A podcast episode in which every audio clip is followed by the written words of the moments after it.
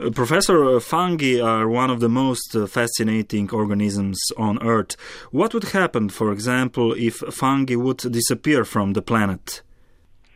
Well, the ecosystems of planet Earth just wouldn't work without fungi for several reasons, uh, mostly to do with cycling nutrients. Um, the first reason is that fungi in terrestrial ecosystems are the main agents of decomposition. They're the recyclers of the natural world. So they break down all the dead stuff and they release the nutrients that were locked up inside. And by releasing those nutrients, they make them available so that plants can carry on growing. So without them, we'd soon run out of nutrients and plants wouldn't be able to carry on growing. And the second reason is again to do with nutrition of plants. 90% of plants in nature on, on planet Earth have fungi that are mutualistically associated with their roots. And these are called mycorrhizas. And these fungi soak up water and mineral nutrients from the soil and they feed those nutrients to the plants.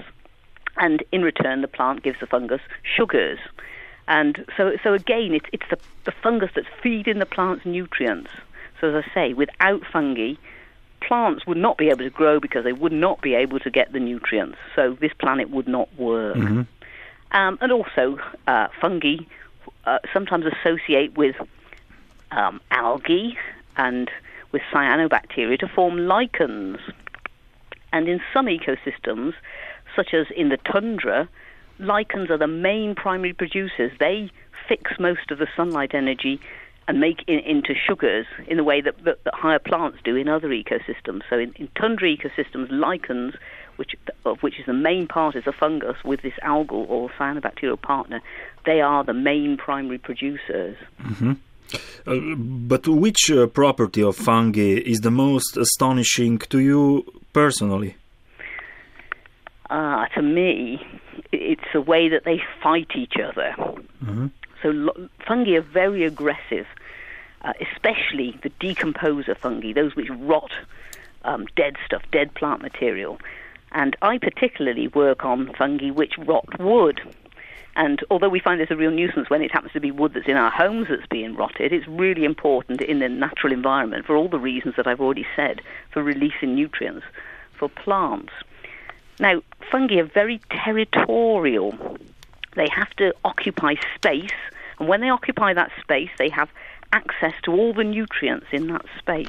Mm-hmm. So if, if you saw through um, a tree trunk, you see lots of dark coloured lines, sometimes different coloured lines, in fact, and those lines represent the boundaries of different individual fungi. It could be different species of fungi, and it could be different individuals of the same species. Mm-hmm. So, in the same way as, as we as humans put up fences or, or walls around our, our, houses, our homes, um, fungi do that around their territory. And then they occupy that territory, um, and they are the main, or, or, very often the only occupant, and then they can get all the nutrients that, that's in there. But they have to keep other fungi out, Mm-hmm. and they do this by fighting, and also, of course, um, when wood is already well colonized, newcomers have to fight their way in. So fungi are aggressive and they they fight each other, and they do this in very spectacular ways. And we study this in the laboratory and in the natural environment too. So you can watch how they fight uh, when they're growing on artificial culture on an agar jelly, Mm-hmm. or you can look at the outcomes of fights if you if you colonize one block of wood and with one fungus and another block of wood with another fungus, put the two together and they will fight. Mm-hmm. Or you can grow them across the surface of soil. So we have trays of soil collected straight from the woodland, and again we put one block of one fungus on one side, one block of another fungus on the other side, and for some of these fungi they will grow out, and when they meet, again you can see them fighting. Mm-hmm. And and they do this fighting in lots of different ways. Um, for example, they, they use chemical weapons, mm-hmm. and we could um, make an analogy, I suppose, with, with human warfare, re- really. So some of them use volatile chemicals, and other ones are diffusible through the, the medium that they grow in. And very often they use lots of combinations of all sorts of, of chemicals. So it's a bit, I suppose, like some of the aspects of the trench warfare in the First World War, where there were gas attacks by one mm-hmm. side on, on, on, onto the other. Some scientists say that we could produce biofuel with the help of fungi. Is that really possible, and uh, when can we hope uh, to see biofuel made from fungi? Um, certainly, people are working on this, and I think that uh, biofuel is being produced uh, from one sort of fungus or another already, but probably in rather small amounts. Other people are trying to use bacteria uh, to do the same sort of thing. I've no, out, no, no idea how soon or how long it will be before anything really is commercially viable. Mm-hmm.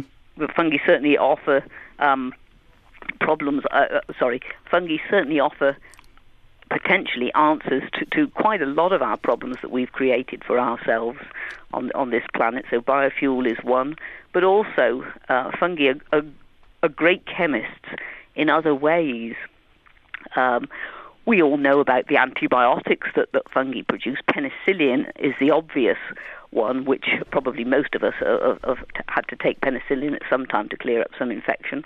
Uh, but, but fungi produce lots of chemicals. When they fight each other, uh, they produce many chemicals, and uh, some of these chemicals uh, are likely to be antibiotics, which we'll be able to use for medicine in the future. Um, other important pharmaceuticals that fungi produce are statins. Statins are used um, to control high cholesterol. Mm-hmm. And that, that's the widest selling pharmaceutical in the Western world, I think. Mm-hmm. And that was discovered in, in, in fungi. Cyclosporin is, is another thing to prevent um, tissue rejection in, in transplant tissue patients. So there are lots of important chemicals already discovered uh, from fungi. Mm-hmm. Um, you mentioned uh, use of fungi in medicine.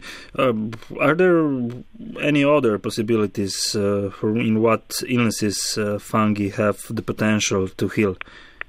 I, am sure that in the future we'll find medicines for all sorts of illnesses. Um, I think Taxol is, is, is an important compound, which I think is probably used in some cancer therapies, and, and that's something else which is produced by fungi. Uh, mm-hmm. Uh, there are quite a lot of people who are looking at what, what chemicals fungi can produce.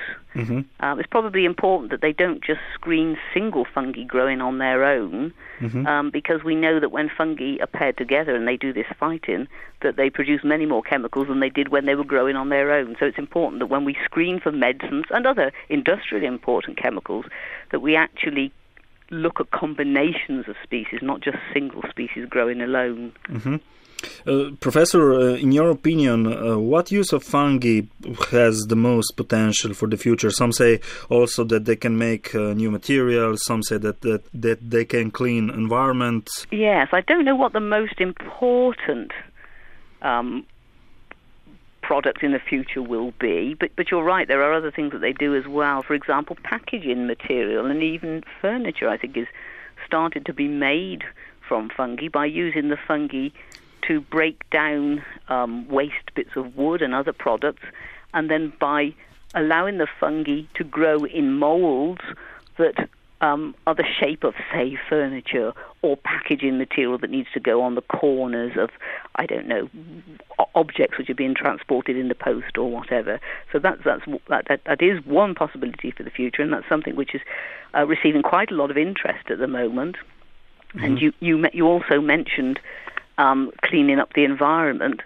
The, the wood decay fungi uh, have very powerful enzyme systems to break down wood. Wood is made of very complicated molecules, um, lots of different sorts of lignins, and uh, lots of the nasty chemicals which we as humans produce are also very complicated molecules.